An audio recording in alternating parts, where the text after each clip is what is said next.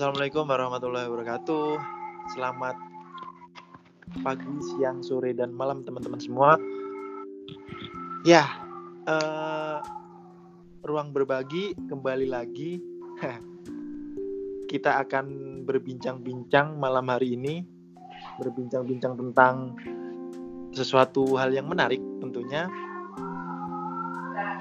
dan pastinya dan semoga ya bermanfaat buat teman-teman yang mendengar semua.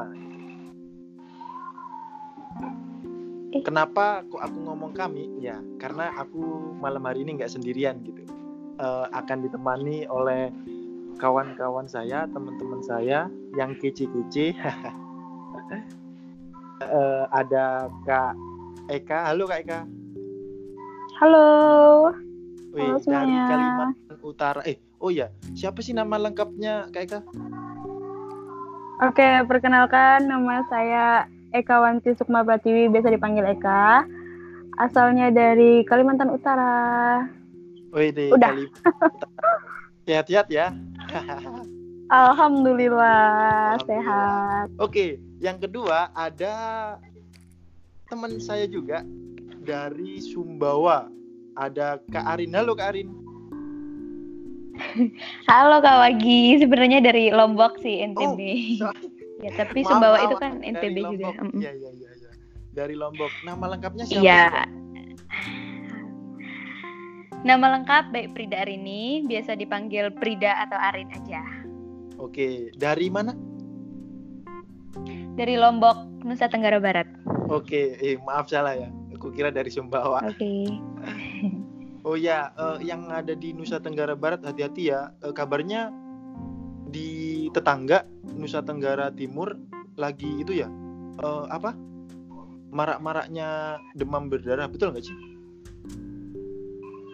Hmm, kalau demam berdarah sih kurang tahu ya Kak. Cuman aku pernah dengar ada udah ada yang suspected suspected yang coronavirus aja kemarin yang ada Wow. di Dompu, tapi belum tahu sih Kak.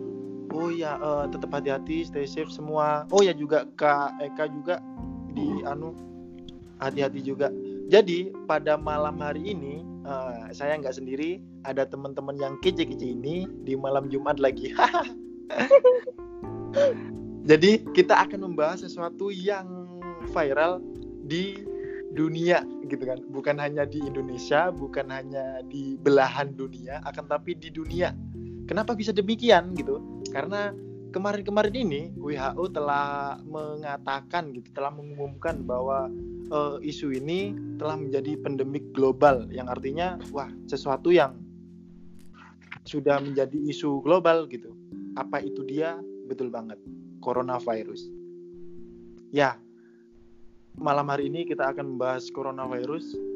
Akan tapi perlu diingat teman-teman semua, eh, kita membahas coronavirus bukan dari segi medikal ya, akan tapi dari segi pengalaman. Kenapa demikian? Karena kita bertiga tidak ada basic tentang medikal. Akan tapi kita bertiga telah mengalami dan menghadapi apa itu coronavirus. Jadi kami ingin berbagi ke teman-teman semua eh, tentang coronavirus. Ya semoga bermanfaat sih. Oke, eh, Kak Arin dan Kak Eka nih ngomong-ngomong tentang coronavirus. Oh ya sebelumnya, sebelum masuk ke situ ya, eh, yang perlu ditahu teman-teman semua, Kak Eka dan Kak Arin ini eh, sangat apa ya? sangat Apa yo? apa ya ngomongnya ya? Sangat Gimana? kasihan atau apa ya? Apa? apa? Sangat apa? Soalnya teman-teman, eh, pas lagi rame-ramenya di Cina coronavirus itu eh, mereka ini Kak Arin dan Kak Eka itu ada di Cina coba bayangkan.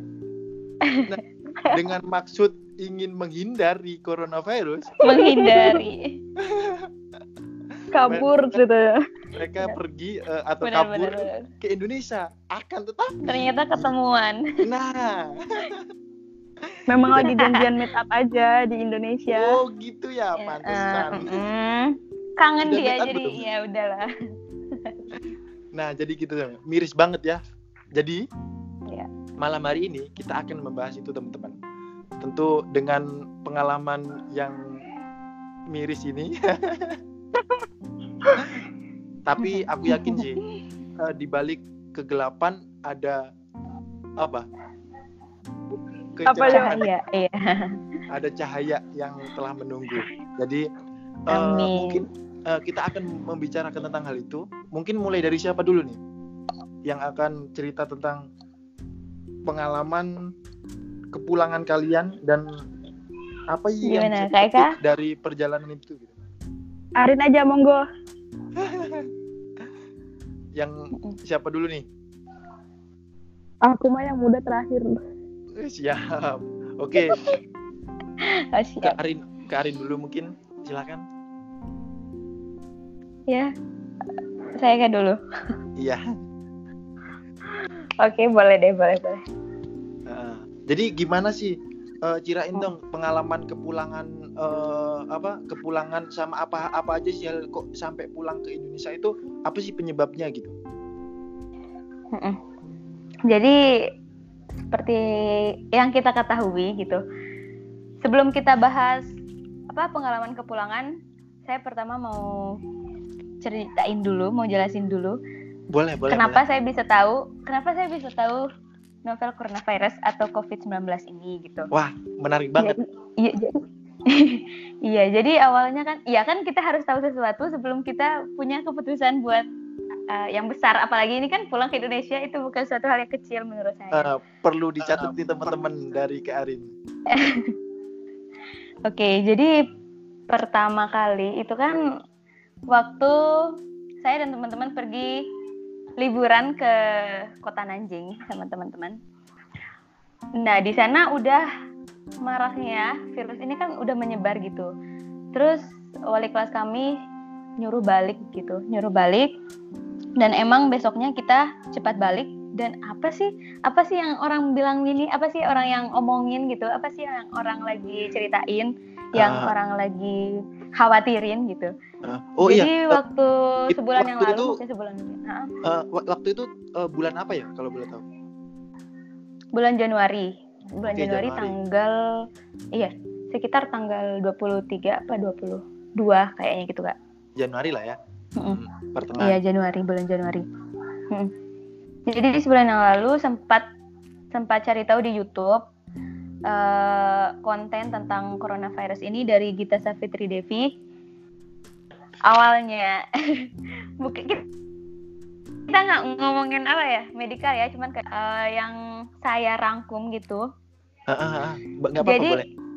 Ah, novel coronavirus atau Corona Virus Disease 2019 ini kan awalnya itu kan ditemuin pada tanggal 31 Desember 2019 di Cina Wuhan seperti yang kita ketahui. Betul. Ah, ah, betul. Jadi di sana ada seorang pria yang berumur 61 tahun. Dia emang beridap apa sih punya gejala pneumonia yang parah gitu.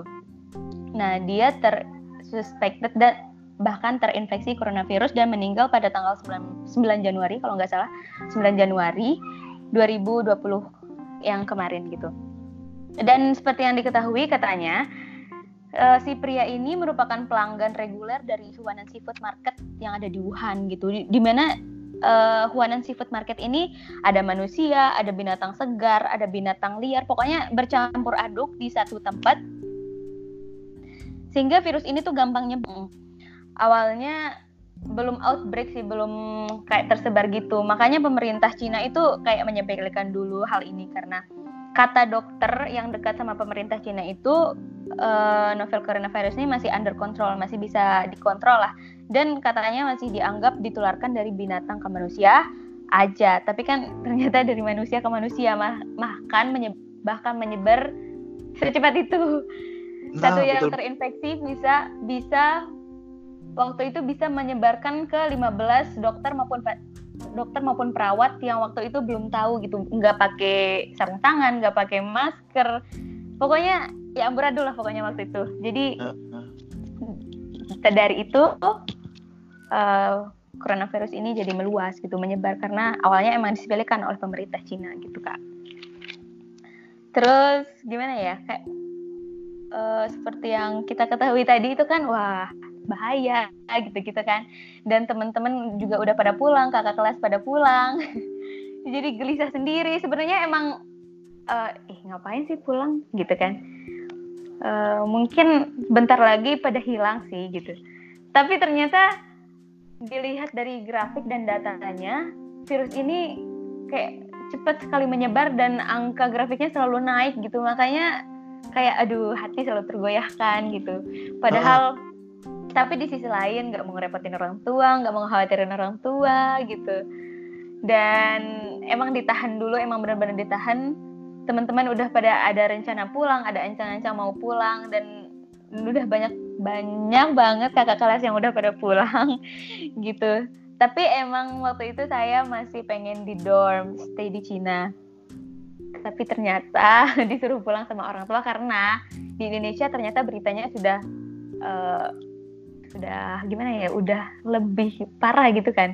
Uh, emang di Indonesia waktu itu parah ceritanya kak. Padahal kita di Cina kayak stay aja aman-aman aja gitu. Nah bener masih banget. dalam under control mm -mm. Uh, soalnya uh, sama juga yang seperti aku uh, apa ya rasakan juga pas waktu itu pertengahan. Oh ya uh, sebelum uh, ini uh, uh, perlu aku kasih tahu juga ya teman-teman. Uh, bahwa emang benar pada pertengahan awal Januari itu sebenarnya virus ini sudah kedeteksi itu di akhir uh, akhir tahun, akhir Desember itu.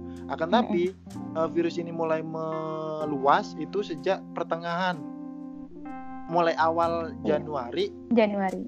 Seperti yang dikatakan Karin tadi, per 9 Januari itu sudah ada yang meninggal dan diperparah lagi pas waktu itu di pertengahan Januari uh, ada hari rayanya orang Cina, Imlek katakan. Uh, jadi kan Wuhan itu ya cukup besar sih ya. Jadi uh, orang seluruh Cina daratan Tiongkok itu pada hilir mudik untuk pergi berlibur mulai dari yang keluar kota apa kerja di luar kota pulang ke kotanya ke kotanya masing-masing dan begitu seterusnya. Jadi bayangkan aja Indonesia dengan sebegitunya setiap hari ranyanya orangnya seperti apa dengan apa ya negara yang paling padat se dunia dan hari raya ya pasti hilir mudiknya banyak kan. Jadi mungkin mm-hmm. itu juga sih ya berpengaruh ya Kak Arin ya. Iya iya benar banget. Uh, ya uh, lanjutkan mm-hmm. uh, dilanjutkan. Iya. Jadi uh, jadi saya sama teman-teman memutuskan pulang ke Indonesia gitu. Ya pastinya kita bawa bekal gitu. Saya juga sama teman-teman perlu uh, kayak uh, share-share info gitu kayak ya kita harus butuh edukasi tentang apa sih virus ini gimana kita caranya kayak uh, apa sih mencegah gitu ya kak karena emang dari dari pihak kampus juga udah banyak uh, udah banyak info seputar oh, coronavirus ini. Apalagi kan kampus juga sangat peduli gitu terhadap kami-kami yang ada di asrama waktu itu. Betul banget. Hmm. Hmm. Terus jadi gitu oh, iya. kita. Hmm.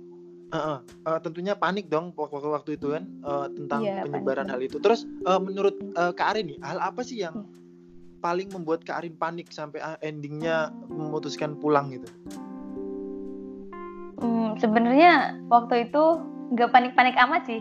Cuman yang seperti yang pernah saya pelajari itu kan yang pernah dicari tahu uh, ini novel coronavirus ini kan menyebar dari manusia ke manu antar manusia ke manusia dan kita nggak tahu siapa siapa aja yang suspek siapa aja yang udah da, udah kena karena kan uh, simptomnya itu ya? kan iya beda-beda kak uh, beda-beda sama masanya itu 2 sampai 14 hari. Jadi kita nggak tahu jadi aduh pusing kita mau ngambil uang ke ATM hmm. Mau naik ini, mau naik itu kita ketemu ini, sentuh itu semua. Jadi kayak ke bawah gitu gitu, Kak.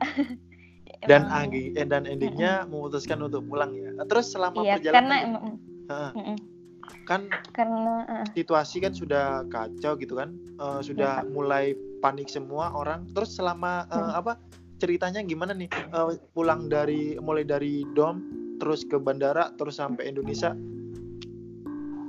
Uh, Oke, okay. awalnya dari dorm, tentu saya benar-benar gak bawa barang banyak sama sekali, cuman bawa tas ransel. bawa tas ransel itu pun di dalamnya cuman apa ya kak? Cuman bawa baju buat ganti di misalkan kalau transit gitu takut apa yang nempel-nempel di baju jadi diganti gitu kak uh, terus kayak apa hand sanitizer gitu pokoknya udah udah di prepare lah semuanya. Saya juga bilang sama teman-teman ini prepare ini prepare itu biar nanti kalau di bandara bisa langsung kayak kita bersih bersih gitu kan. Soalnya kan kita nggak tahu gitu. Banyak di benda-benda gitu. Ini gimana sih ngomongnya kak? Maaf. Oh iya sebelum ke ke perjalanan kabarnya juga kak Arin ini uh, sempet kena apa ya kena pembatalan tiket ya? Itu ceritain dong gimana iya. kok bisa sampai pembatalan benar banget. Jadi waktu itu uh, saya sama teman-teman kan memutuskan pulang. Dan oke okay, karena waktu itu kan saya belum belum mau pulang sebenarnya belum mau pulang tapi orang tua desak buat pulang karena uh, takutnya saya sendiri di asrama saya sendiri perempuan di asrama gitu karena beliau tahu kalau teman-teman sudah ma pada mau pulang semua. Jadi mau nggak mau harus ikut pulang. Dan pada waktu itu kita langsung pesan tiket. Mungkin karena saking apa ya terburu-buru gitu terburu-buru kita nggak lihat info sana sini lihat info luar negeri kebijakannya udah seperti apa kita karena saking buru-burunya kita belum cari tahu sama sekali gitu. Dan um, di tiket kami itu di tiket kami itu transit di Singapura Oh Singapura, terus? Mm -mm. Ternyata Singapura udah lockdown negaranya, gitu. Udah nggak mau menerima penerbangan uh, yang dari Cina maupun ke Cina, gitu. Dan oh. mau tidak mau penerbangan kami itu di cancel, dibatalkan, gitu. Iya iya iya. Kabarnya kabarnya juga Kak Arin juga kan uh, waktu itu belinya sore, ternyata besoknya sore itu di di aduh apa pihak Singapura uh, Changi hmm. Airport melockdown gitu ya? Iya kak benar banget. kali teman-teman. Terus uh, itu sudah berlalu terus tiba-tiba pulang. Uh, terus pulangnya hmm. lewat mana aja kak Arin kami pesen tiket pesawatnya itu pun alhamdulillah ada yang termurah lah termurah meskipun meskipun nggak murah tapi ada yang termurah. Meskipun nggak murah nggak murah. gimana tuh? Iya kita transitnya alhamdulillah waktu itu Thailand sama Malaysia masih buka penerbangan yang dari Cina jadi kita transit pertama dari ke ke Thailand ke Phuket Phuket Thailand kemudian melalui Malaysia baru ke Jakarta dan Jakarta ke daerah kita masing-masing yaitu Nusa Tenggara Barat gitu. Wow, kayak ini ya perjalanan yang Iya bener. Uh, seru gitu Aduh. ya. Transisi seru tapi kayak gimana kita emang bener-bener hati-hati banget kak. Iya betul banget soalnya di jalan kejar corona gitu ya. Iya. Terus uh, selama di bandara itu gimana kak prosesnya Karin? Iya. Jadi uh, pertama pertama di dorm aja ya. Di dorm saya sama teman-teman dicek suhu badan tentunya suhu badan uh, pihak kampus memastikan kita itu benar-benar uh, keadaannya emang bagus buat pulang ke negara kita gitu. Setelah dicek uh, baru kita dibantu sama salah satu dosen untuk memesan taksi. Karena pada saat itu akses bis udah pada ditutup. Uh, mau sewa apa sih? Motor apa sih gitu kak? Udah nggak ada pokoknya. Udah tidak ada transportasi selain taksi tersebut. Itu pun kita susah banget buat dapat taksi. Itu pun dibantu sama salah satu dosen kami gitu. Oh iya syukur ya. Iya alhamdulillah. Kemudian sama aja sih prosesnya. Waktu turun dari taksi kita menuju ke stasiun kereta. Di stasiun kereta juga sangat ketat kayak apa sih kak? Pemeriksaan terminal gitu uh, uh. suhu badan. Terus tentu data-data kita juga dilihat. Terus waktu di bandara. Bandara waktu di bandara. Halo Karin wah kayaknya ke nanti itu tujuh apa tiga delapan. Dia ditahan dulu. Dia ditahan dulu beberapa menit iya kak. Dia kayak ditahan dulu. Jadi sa salah satu teman kami itu kan dia kayak pakai topi kak. Uh, uh, menutupi jidatnya. Sedangkan sedangkan kita dicek. Diceknya itu kan lewat jidat melalui jidat. Ah, ah, ah. Kemudian dia disuruh buka itu topi, kemudian dicek suhunya itu antara 37 lebih, pokoknya mendekati 38 kak. Kemudian Ah. dia ditahan berapa menit, dicek lagi 37, dipastikan lagi. Intinya emang sampai benar-benar ini orang itu nggak fever, nggak demam gitu kak. Ah, ah. Emang benar-benar ketat sih menurut saya. Nah, setelah ada pemeriksaan terus eh, teman Kak Arin karena itu hampir ditahan karena suhunya lebih dari 37 terus eh, gimana? Tapi nggak jadi ditahan atau jadi tahan? Ya, Alhamdulillah nggak jadi ditahan sih. Tapi emang benar-benar ditahan lumayan lama. Kayak berapa menit, berapa berapa 20-an menit apa kurang lah, kurang 20 menit. Lumayan ya. Iya, kar- karena katanya 6 menit dulu gitu. 6 menit ini dicek lagi gitu. Pokoknya emang harus benar-benar dipastikan gitu, Kak.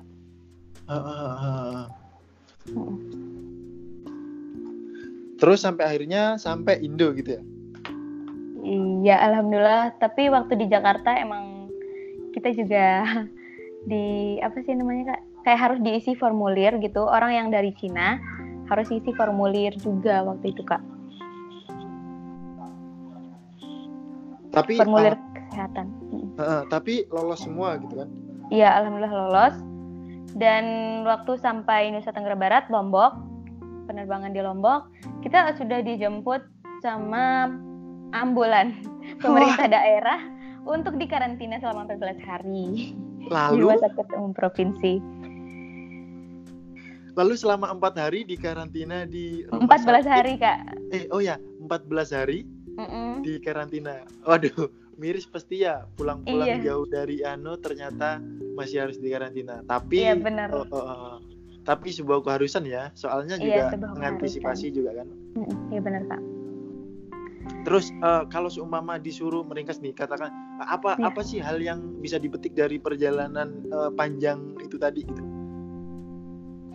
Apa yang bisa dipetik ya, Kak? Em, intinya sih eh, lebih bisa jaga diri sih, Kak.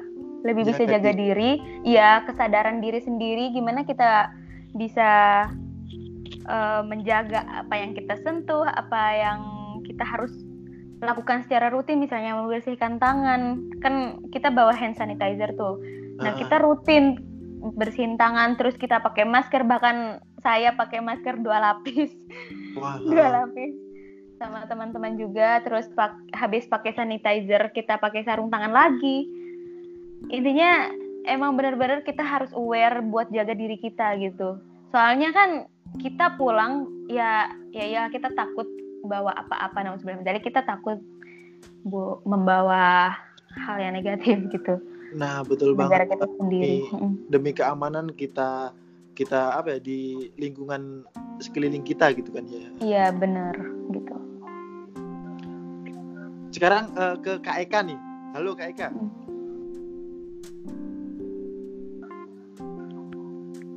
Halo Kak Eka. Iya, halo. Halo halo halo. Eh, wah, eh, denger apa? Denger cerita dari Kak Arin barusan, tentu eh, sangat gimana ya? Sangat menantang sekaligus menegangkan gitu kan.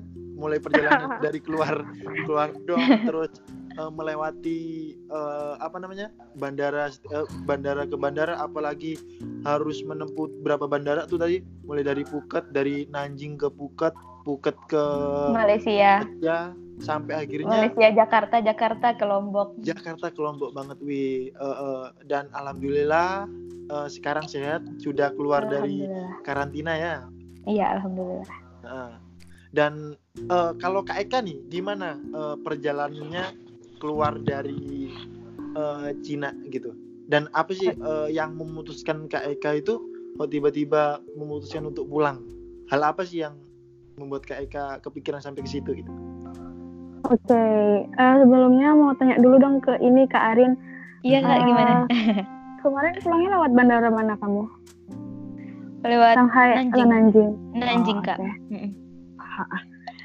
Ini mulai dari memutuskan eh kenapa memutuskan pulang dulu kali ya.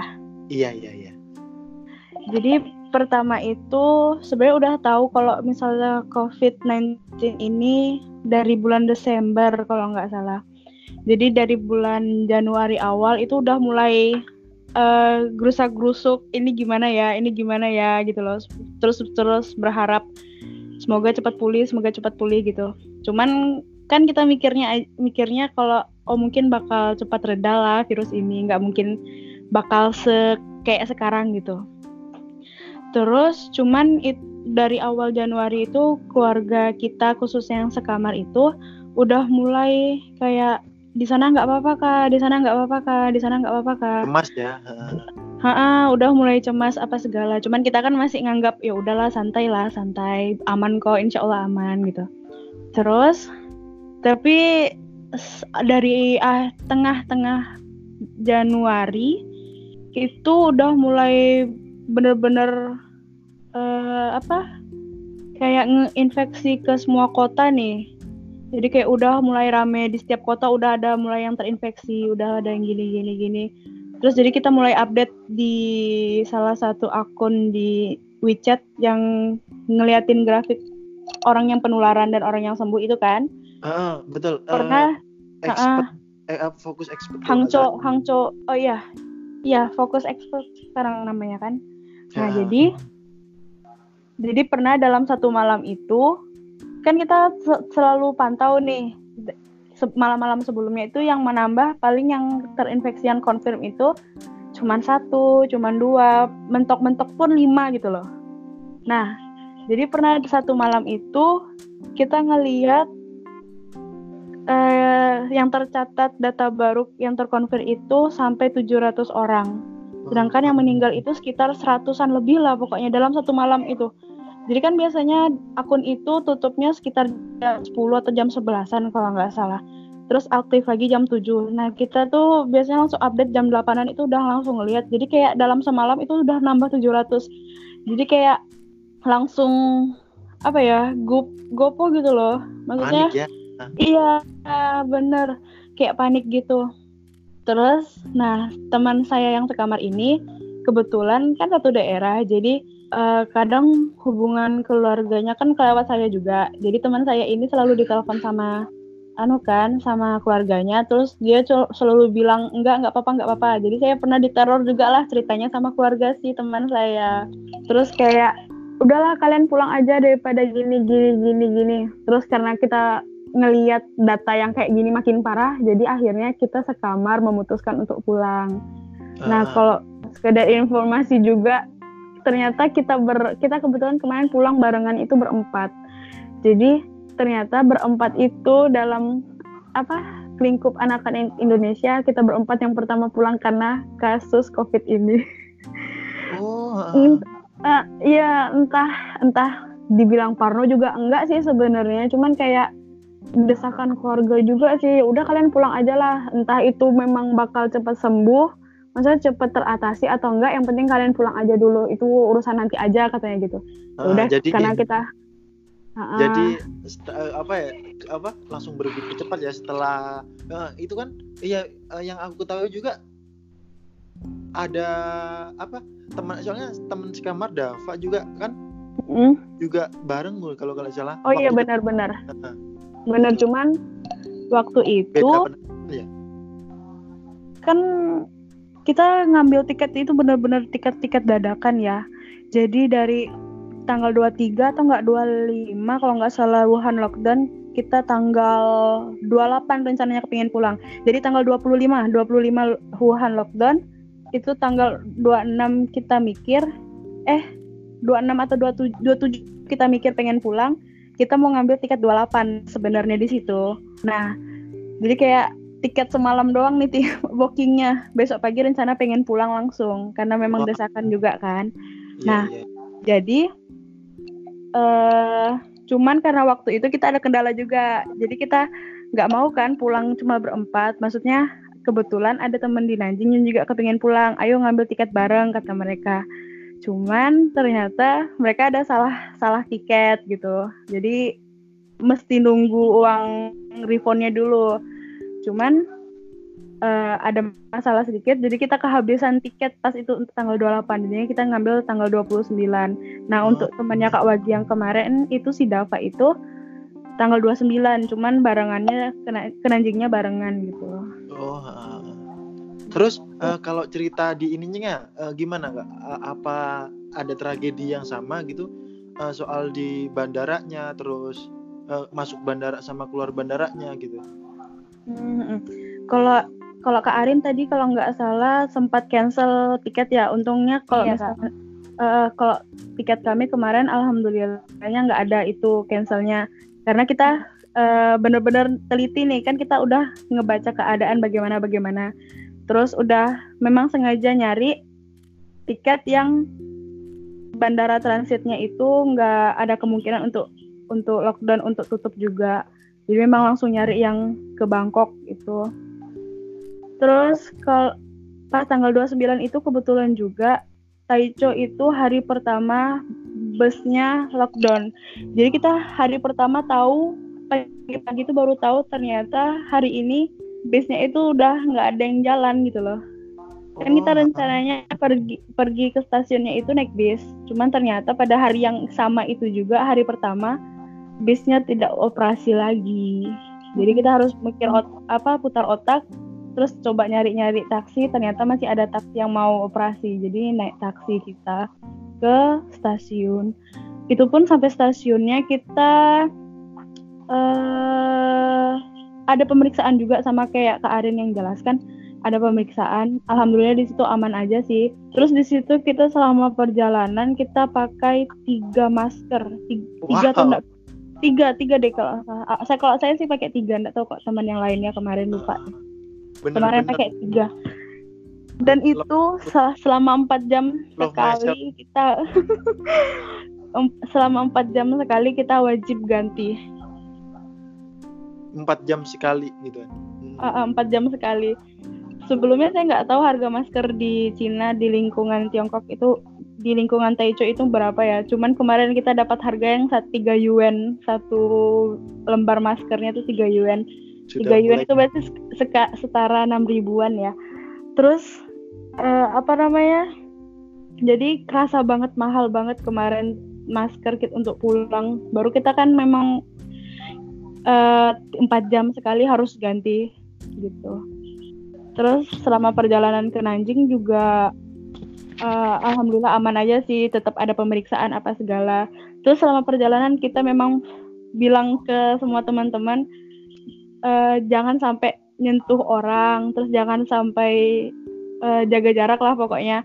Habis itu juga benda-benda umum benda-benda umum entah itu yang pas kita di kereta kita nggak nggak nyentuh sama sekali meja nggak sentuh sama sekali kayak jendela-jendelanya. Duduk dah duduk gitu doang. Habis itu kita sampai di sana juga langsung ke WC cuci tangan apa segala ganti masker gitu. Jadi benar-benar ngejaga kebersihan dan ekstra, ngejaga semuanya. Ekstra ekstra banget. Iya ekstra banget. Soalnya kan kayak kita kemarin pulang gini sebenarnya uh, dari orang yang ngebawa kita ke Cina ini kayak sedikit kontra ke kita yang pulang gitu loh. Jadi mereka tuh bilang kalian tuh kenapa pulang di sana tuh lebih aman dan lebih dijamin sama kampus katanya gitu. Sementara kita udah booking tiket, kita udah dapat desakan dari orang tua untuk segera pulang kan, jadi gak mungkin di cancel juga.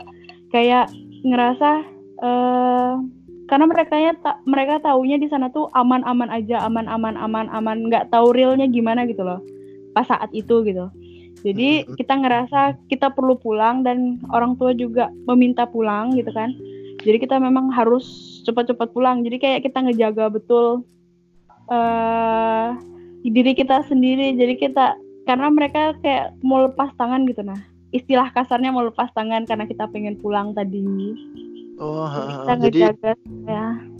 Hmm, hmm, hmm, terus untuk ini kak, uh, selama di bandara apa? Selama perjalanannya gitu, ya, mulai dari Nanjing terus uh, di Bangkok ya tadi. Bener. Uh, transitnya sampai di Jakarta itu gimana kak prosesnya? kalau boleh cerita sedikit tentang keadaan bandaranya di sana itu benar-benar sepi kalau yang di bagian di Nanjingnya. Benar-benar sep, sepinya ya kayak kan bandara Nanjing, bandara apa ya lupa, namanya lupa pula. Pokoknya bandara di Nanjing. Bandara ya Lukou. Bandara di Nanjing ini termasuk bandara besar di bagian Tiongkok kan. Jadi Betul kayak banget, kan? hitung hitungannya kan hitungan bandara sibuk.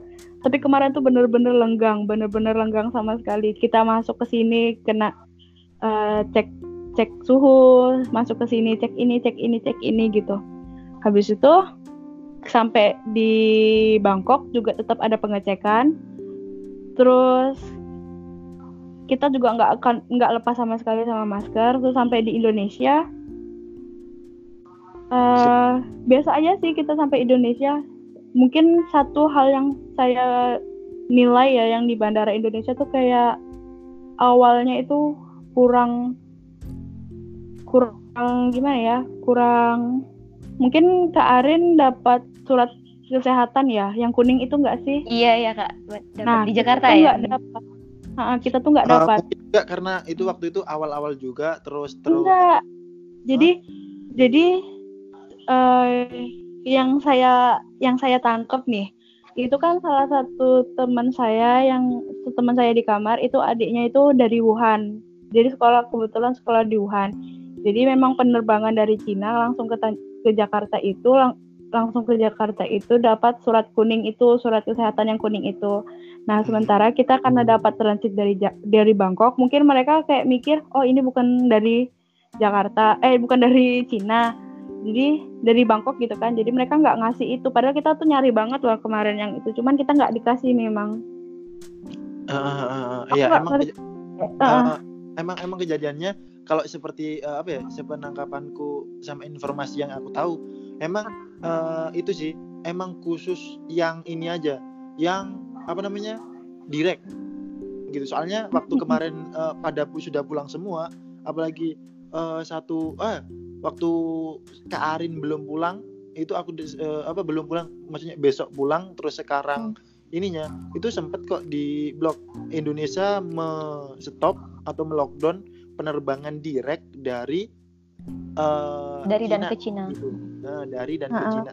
Tapi yang direct. Kalau yang apa? Kalau yang transit enggak. Kenapa begitu? Soalnya masih ada transit itu. Pasti eh, apa sudah me- Pemeriksaan. menjalani pemeriksaan dan sebagainya kan gitu. Itu sih Kak. Terus eh, sampai di Idonya sudah tapi selama perjalanan eh, mulai dari Nanjing terus Bangkok sampai di Jakarta aman ya kak nggak ada kendala panas atau sempat ditahan gitu Eh, Alhamdulillah nggak ada sih. Alhamdulillah lancar aja kalau misalnya perjalanan dari Cina ke Jakartanya. Gitu. Eh, terus ini kak kalau seumpama itu eh, disuruh apa sih perjalanan yang yang bisa dipetik dari perjalanan itu dari eh, kak Eka sendiri gitu Ini sih lebih ke karena kita pulangnya rame-rame ya, maksudnya kita pilih rame-rame juga. Kenapa kita nggak milih cuma berempat dan milih nyari orang lain lagi untuk barengan supaya untuk saling mengingatkan. Jadi kayak pelajaran yang aku dapat petik nih itu tuh kayak rame-rame tuh lebih, maksudnya dapat lebih dapat eh apa ya? Gimana? feel jaganya gitu ya. Kerjasamanya lebih dapat gitu loh. Maksudnya lebih lebih bisa lebih saling mengingatkan terus lebih lebih saling menguatkan pokoknya gitu. Soalnya kan mungkin di tengah perjalanan kita memang ada salah satu yang mengeluh susah nafas karena pakai masker kelamaan terus kayak ngerasa bosen. Eh, maksudnya pakai masker terlalu tebal tuh juga bikin sesak kan. Jadi kayak Betul, kita saling menguatkan. Jadi kita saling menguatkan itahan lah bentar lagi bentar lagi kok nyampe bentar lagi kok nyampe gitu. Jadi kayak saling mengingatkan juga jangan gini jangan gini jangan gini ayo itu jangan bareng-bareng yuk biar bersih gini-gini. Jadi kayak lebih dapat kesulitannya gitu loh. Eh, tapi benar sih eh, apa ya ketika kita menghadapi hal yang kayak gitu ternyata kita suka parno gitu. Eh, apa? Ah, pilek sedikit wah ih, eh aku kejangan-jangan kejangkit nih batuk sedikit wah. bener-bener. kejangkit nih gitu. Jadi ya emang wah serba disuruh hati-hati dan emang eh, love self banget gitu Mm-mm. Nah terus eh, itu kan itu cerita kakak eh, untuk kakak-kakak yang pulang nih. Nah se- sekarang aku mau mencerita nih eh, apa bagi yang kayak aku nih yang nggak pulang gitu. Sebenarnya kenapa Kak. sih kok kok memilih nggak pulang gitu? Pasti punya alasan dong. Tentu Iya. banget. Aku punya alasan gitu. Ayo cerita Kak Wagi. Jadi kalau alasan eh, Kak Arin sama Kak Eka. Apa namanya? Itu akibat tekanan dari orang tua terus Yap. kepanikan de- de- de- apa? Terhadap teman-temannya. Kak Arin juga bilang tadi bahwa teman-teman yang lain pada pulang terus aku juga eh, gimana? Orang tua bingung gitu kan. Emang bener banget Kak. Jadi eh, hal yang paling utama yang aku rasakan itu ketika wabah ini datang dan menyerang itu adalah hal kepanikan yang emang aku rasakan dan kita rasakan gitu. Soalnya kan eh, aku di sini nggak tinggal sendiri ada teman-teman juga kan. Satu kamar ada tiga orang jadi tiga orang itu setiap malam kita ngobrol. Dan sama teman-teman juga panik. Apalagi ketika pihak Ci- eh, apa negara Cina apa setelah mengupdate informasinya. Emang saya akui eh, ke, kecepat serta tanggapan eh, apa pemerintah Cina dalam menanggulangi ini meskipun katakan agak terlambat yang seperti dikatakan Karin tadi itu Eh, tapi di balik itu semua ketanggapan serta kesigapan pemerintah Cina saya akui mulai dari keterbukaan informasi, data, penyebaran dan sebagainya itu Ya. langsung eh, apa media Cina sama anu yang dipercaya itu mengupdate bener gitu itu poinnya.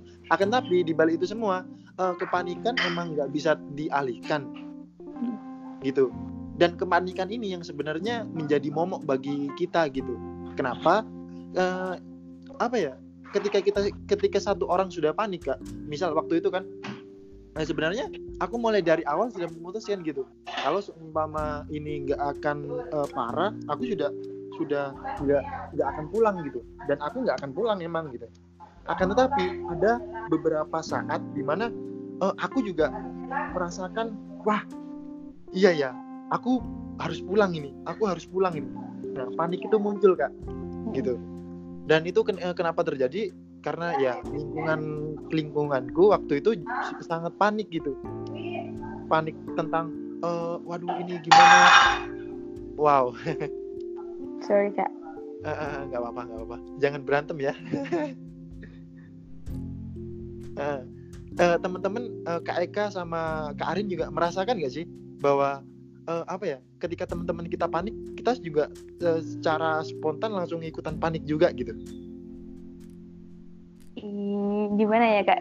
Bener sih tapi menurut waktu itu saya sendiri punya konsep pemikiran tersendiri gitu ya pastinya biar hati nggak goyah gitu. Waktu itu kan juga yang penting yang seperti saya udah katakan sebenarnya emang pengen stay di Cina gitu. Tapi karena desakan dari orang tua juga namanya orang tua khawatir ya apalagi Betul media banget. di Indonesia itu sangat gimana Wah. ya kalau dibilang sangat berlebihan atau bagaimana Banget. gitu kak ya. Heeh. Mm-mm.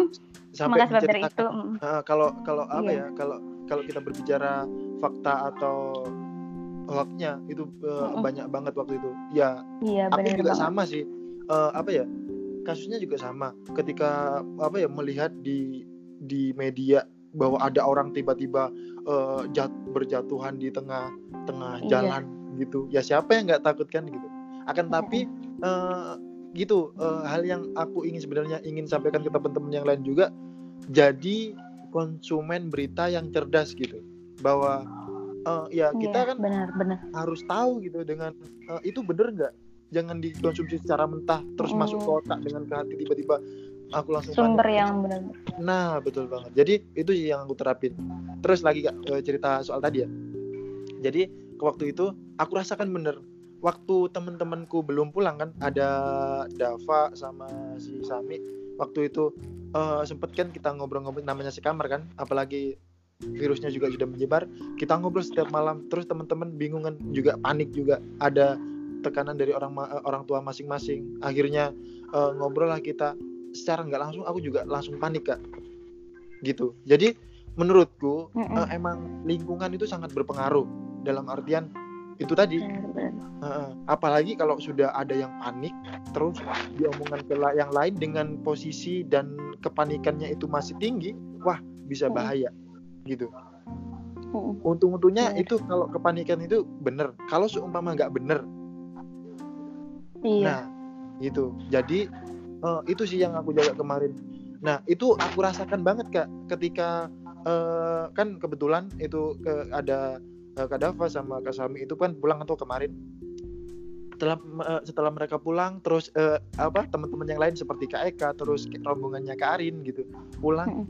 Wah, di situ aku menemukan ketenangan yang hebat banget ya.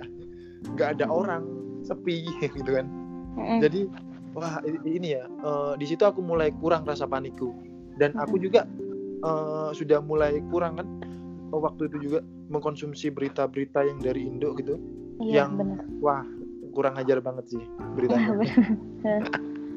sampai-sampai itu kan ternyata cuma hoak dan sebagainya. Akhirnya di situ aku sudah mulai tenang mulai mantap lah tinggal di ini gitu. Meskipun di sekeliling ada nggak nggak ada yang tahu siapa yang sakit akan tapi yang seperti eh, Kak Eka katakan tadi emang eh, apa ya cinta terhadap diri sendiri tumbuh dengan besar gitu.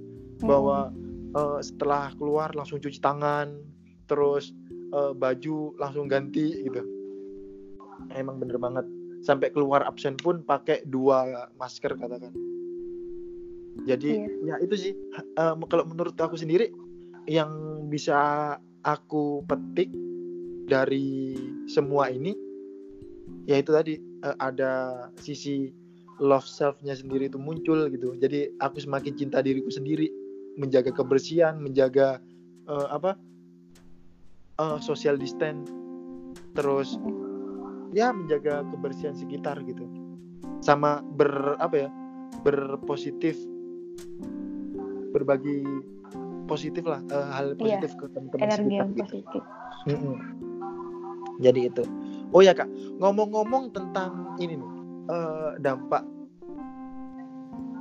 sebelum masuk ke ini ya sebelum kita ngomongin eh, kakak kehidupan Kak Arin sama Kak Eka waktu di Indo dan nanti eh, ininya gimana aku ngomongin ten- eh, mau ngobrol tentang ini dong. Eh, menurut Kak Arin dan Kak Eka nih gimana sih cara cara Kak Arin terus cara Kak Eka menanggapi hal-hal berita yang terlalu berlebihan itu. Sampai kadang-kadang cerita berlebihan itu bisa dinyatakan hoax gitu. Gimana kak? Kalau versinya Kak Eka sama Kak Arin Kayak kayak dulu. iya Hmm, monggo kalau- gantian nih Kak Eka? Kalau aku di lingkungan sekitar paling ini sih kayak ngasih edukasi yang sekit tahunya kita juga gitu loh. Maksudnya jangan terlalu gini, jangan terlalu gini, jangan terlalu gini biasa aja. Pokoknya jaga kebersihan, jaga kesehatan, jaga imunitas tubuh. Terus sering minum air putih, gitu-gitu aja sih. Cuman memang nggak bisa dipungkiri namanya orang panik itu bener-bener bikin mereka gopoh sendiri, bikin mereka gugup sendiri gitu cuman kita kita yang maksudnya sedikit paham lah sedikit paham dengan keadaan sebelumnya maksudnya udah pernah ngalami sedikit keadaan kemarin kayak ngasih sedikit cerita kalau misalnya nggak nggak gitu-gitu juga kok santai santai gitu aja sih kalau aku. Cuman ada satu cerita eh, di gimana tuh? daerah di daerahku kemarin itu eh mungkin pemerintah daerah mungkin salah salah salah masukin data atau gimana. Jadi ODP itu jadi ki- kita kan sudah sampai di Bulungan ini di Tanjung Salor ini udah dua bulan yang lalu. Eh sebulanan lebih yang lalu lah. Nah sedangkan ODP itu kan masa pantauannya itu kan 14 hari Ha-ha. Cuman pemerintah daerah kayaknya mungkin ada masuk salah input data kali, jadi eh, data itu masih jumlahnya kita kita yang datang di awal itu masuk. Jadi kayak kesannya orang yang sedang ODP ini banyak banget. Soalnya di tempat aku aja ada 26 orang. Tapi untungnya segera diupdate kan karena kita banyak yang protes. Jadi segera diupdate gitu. Ma- maksudnya jangan gini eh, ma- kayak jangan terlalu bikin orang panik sendiri lah gitu nah meredam ya kayak intinya. Eh, eh, eh, bener tapi soalnya meredam apalagi kalau ibu-ibu yang di grup-grup WA aduh wah WA nggak keluarga tahu dia. ini nggak tahu ini berita bener berita bohong sebar aja terus padahal nggak tahu mereka itu bener enggaknya habis itu yang cuma sekedar baca sekedar sekedar baca sekilas-sekilas aja udah panik aja duluan. Eh, apa baca baca headline ternyata headlinenya clickbait. Waduh parah itu. Mm-mm, bener sekali. Jadi gitu harus Ya, harapan jadi kita untuk semua media juga kan untuk ngejaga itu sih jangan terlalu melebih-lebihkan lah untuk rating mereka sendiri. nah betul Iya, banget soalnya lagi ini oke jadi eh, lebih ke meredam ya kalau Kak Eka di Hmm, lingkungan benar. kita kalau Kak Arin nih gimana ya cara Kak Arin menghadapi berita-berita hoax yang Mm-mm. ya bisa dikatakan ya, seperti itulah Iya. Jadi pertama emang ya kesadaran diri sih, kesadaran diri kalau emang lagi buka sosmed terus ada berita yang apa sih berlebihan yang hiperbola gitu. Ya udahlah, jangan dihiraukan dulu. Waktu ada berita kalau di Indonesia yang ada yang suspected maupun yang ada yang terinfeksi itu pertama kan ada presiden yang kan yang ngomong. Pertama bukan bukannya nggak percaya sama negara sendiri sih ya kak, cuman kayak lebih lebih menahan diri untuk biar nggak panik gitu. Jadi Betul. nunggu info dari forum berita, ya forum berita resmi yang ada di Cina gitu, yang data-datanya yang di negara ini berapa yang suspected, yang berapa yang infeksi gitu. Baru emang berani kasih tahu ke keluarga gitu. Ya lebihnya juga kita mengedukasi keluarga-keluarga gitu kayak eh, ayah saya sama ibu gitu. Saya lebih kasih tahu gitu kalau kalau di Cina tuh gini-gini gitu. Kita kayak disaranin gini buat mencegahnya gitu enggak kayak enggak kayak di Indonesia mi kayak gitu mami itu apa sih? Ayah gitu dalam bahasa Oh. Lombok kak. Terus misalnya dia me- beliau beliau menonton berita yang gini-gini terus ada pertanyaan yang yang sekiranya cocok sama saya dia tanyakan terus saya kasih tahu yang realitinya itu yang terjadi di sana yang yang terjadi di Cina yang kita rasakan dan data-data yang ada di emang forum berita yang resmi sumbernya gitulah kak saya kasih tahu gitu biar nggak ada yang panik sama sekali gitu. Mm-mm. Eh, terus betul. contohnya kemarin contohnya kemarin bukan kemarin sih baru-baru ini sekarang sekarang. Ponakan saya kan lagi batuk gitu lagi batuk gitu lagi demam. Langsung pasti Parno tuh. disuruh dibawa iya parno parno bener gitu. Langsung disuruh menggunakan masker gitu ya. Emang karena kita harus perlu banget edukasi eh, lingkungan sekitar kita kak. Mm-mm. Heeh. Nah, aku juga eh, ingin eh, bilang nih buat teman-teman yang mendengar nanti di podcast ini gitu kan. Aku juga Mm-mm. ya itu itu perlu disampaikan sih bahwa tidak selamanya eh, ingat ya teman-teman, penyakit pernafasan penyakit itu itu emang eh, hampir sama-sama sama-sama semua kayak kita batuk kayak itu emang emang ada gitu tapi eh, Mm-mm. bukan berarti itu menjadi apa ya ketika orang ada orang batuk langsung diinikan gitu emang eh, eh, Mm-mm. Yang batuk juga harus tahu diri terus yang di Iya, benar. juga harus menghindar dan sebagainya itu emang perlu tapi jangan terlalu di apa ya terini kan sehingga lingkungan sekitar Iya. langsung panik gitu dan ketika Mm-mm. kepanik itu muncul itu Iya. jangan jadi bahaya Mm-mm. gitu. soalnya juga aku eh, punya cerita nih eh, kak Arin pernah Mm. kan waktu itu kan waktu itu juga eh, awal-awal Januari itu kan itu apa corona apa virus ini muncul loh di, di lingkungan kita di Cinaan waktu itu Iya, Kak. pada satu malam dan waktu itu juga musim dingin Mm-mm. dengan waktu itu masih eh, apa tiga tiga derajat Cel- celcius kan eh, Oh, iya. apa suhu tiba-tiba eh, malam-malam aku batuk batuk sama bersin gitu kan waduh Oh. temen-temen yang awalnya awalnya main HP yang, yang yang satu kamar main HP langsung langsung bangun terus sama nanyain kayak kayak seakan-akan aku diintima- diintimidasi gitu. Ya secara kan. Eh, siapa coba? Dengan derajat eh, apa? Suhu Yang suhu keadaan waktu itu. eh, tiga derajat cuma kan dinginnya seperti apa gitu kan nggak nggak boleh batuk dan nggak boleh flu dan sebagainya. Padahal sebelum belum tahun-tahun sebelumnya pun juga sama. Siapa yang nggak pilek coba di musim dingin gitu? Jadi eh, perlu diketahui ya teman-teman semua. Jadi jangan terlalu eh, ini apa ya sensitif boleh. Akan tapi perlu di ini juga dan perlu apa ya sesama saling mengerti lah gitu. keadaan kita Iya, terus keadaan sekitar gitu. Bener banget. Waspada boleh, panik jangan. nah betul Iya. waspada boleh panik jangan dan juga uh, mungkin kalau teman-teman yang lain uh, apa ya alumni bukan alumni juga sih yang uh, teman-teman Cina terus yang pulang uh, ke Indonesia pasti punya sudah uh, punya bekal tersendiri harapanku juga ayo kita saling mengedukasi dalam artian apa yang kita rasakan di Cina apa yang kita dapat di Cina itu saling dibagikan gitu jangan malah memperkeruh suasana malah membagi membagi info dan sebagainya yang belum tentu karuan jelasnya gitu. Jadi ayo uh, perangi hoak dan berbagi edukasi terhadap sesama. Setuju ya? Setuju banget, setuju. Uh, gitu. Mm -hmm. Jadi uh, terus teman-teman eh teman uh, kakak-kakak semua. Kak Arin dan Kak Eka nih. Uh, setelah masuk ke Indonesia terus pulang sudah berapa lama Kak ada di rumah? Lebih dari setengah bulan ya? Gimana kak? Uh, uh, sudah di Indonesia ada uh, sudah sudah berapa lama kak? Sebulan lebih sih sebenarnya. Satu bulan hmm. lebih ya? Uh. Iya dari tanggal 5 Februari.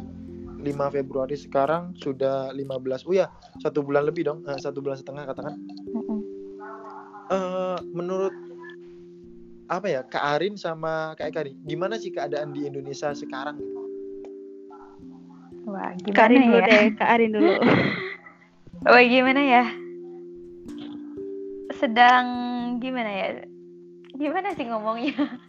Oh ya, uh, sebelum sebelum sebelum masuk ke situ, uh, aku hmm. sampein sampein dulu ya di ini hmm. bahwa uh, syukur alhamdulillah bahwa di Cina sekarang sudah mulai pulih dan tinggal yeah. beberapa puing saja. Aduh puing nggak tuh? Ya alhamdulillah. Tinggal beberapa orang aja yang terjangkit. Salah hmm. satunya uh, infonya yang tadi aku uh, baca juga kan tinggal di uh, provinsi Jiangsu, provinsi kita alhamdulillah bersih ye. Alhamdulillah. Alhamdulillah. Terus di tinggal eh provinsi Jiangsu Shanghai itu masuk Jiangsu enggak ya? Bukan. Bukan ya? Eh. Uh, enggak. tuh, bukan di, bukan. Di, di luarnya pokoknya kata pokoknya di Jiangsu bersih. Tinggal Udah di Shanghai. Ah. Tinggal di Shanghai, Beijing, uh, Wuhan juga ternyata sudah sudah kosong. Iya, kayaknya sudah kosong tadi uh, per, udah lihat datanya grafik. Wuhan sudah kosong sama uh, yang di bawah-bawah tuh. Deket-deket yang, yang apa? Deket-deket Hong Kong dan itunya. Pokoknya tinggal Taiwan. beberapa aja gitu. Jadi ya syukur ya. sih. Uh, dan juga kondisi Cina sudah mulai membaik gitu. Sudah mulai kerja hmm. orang.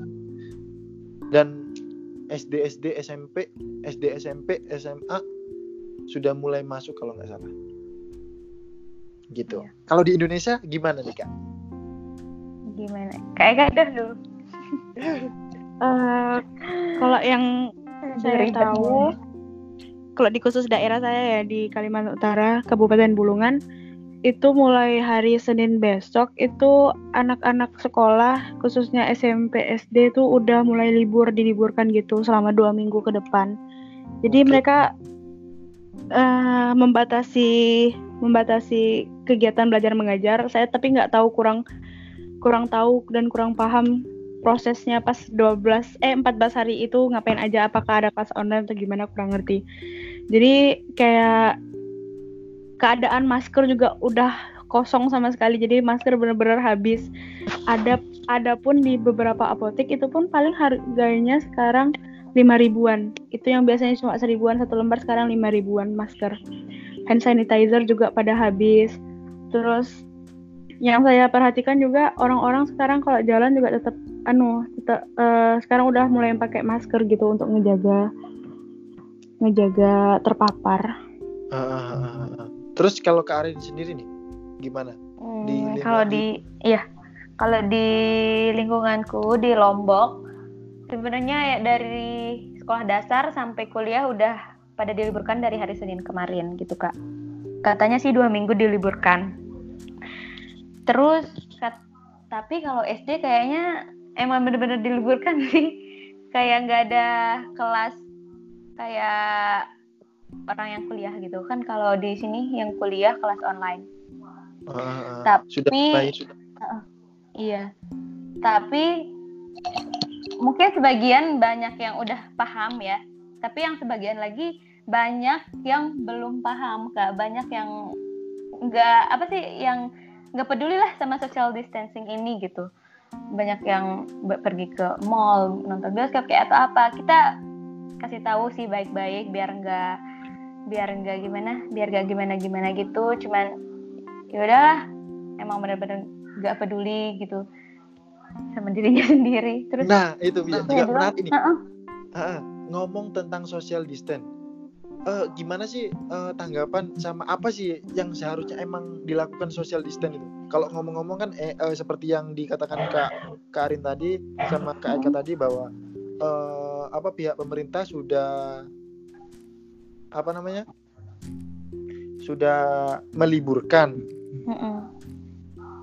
Meliburkan uh, apa namanya?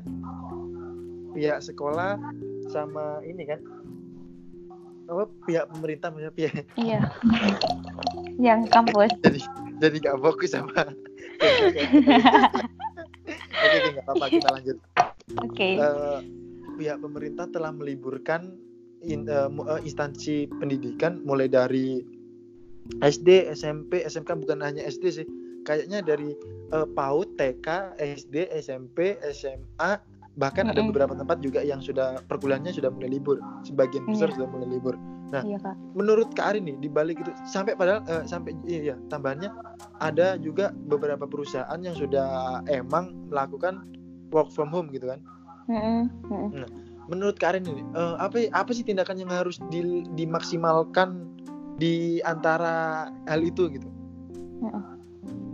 Sebenarnya ya harus terutama kita maksimalkan itu ya kesadaran diri sendiri. Sebenarnya ini tuh bukan hanya tentang kita aja gitu ini tentang lingkungan sekitar kita kak masalahnya. Lingkungan sekitar terlebihnya itu negara kita apalagi negara kita sudah banyak yang suspek apalagi yang terinfeksi gitu kak. Ini yang paling terutama menurut saya itu emang kesadaran diri sendiri. Gimana kita menjaga jarak menjaga jarak kita kalau keluar juga ya ditahan dulu lah. Jangan keluar eh, kalau emang nggak penting-penting amat.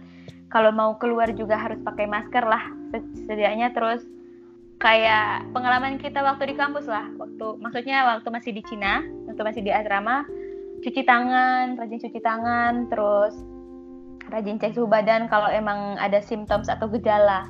Misalnya kayak batuk kayak atau apa segera di segera dikonsultasikan sama puskesmas maupun dokter terdekat lah. Seperti uh, gitu sih. uh, uh, kesadaran diri sendiri yang terutama kak. Oke okay, kesadaran diri sendiri. Uh, uh. Uh. terus kalau seumpama nih kayak uh, apa namanya gimana uh, tanggapan kak Arin nih? Kan lagi rame tuh uh, sampai ada di uh, apa diliburkannya diliburkannya apa namanya mulai dari kerja terus sekolah mm-hmm. orang-orang pergi ke tempat wisata eh, yang lagi ramai kan yeah. lebih apa pergi ke puncak terus ke pergi pergi ke pantai Carita gitu mm-hmm. itu gimana tanggapan Kak Arin tentang hal itu? Kalau itu sih aduh miris banget sih sebenarnya.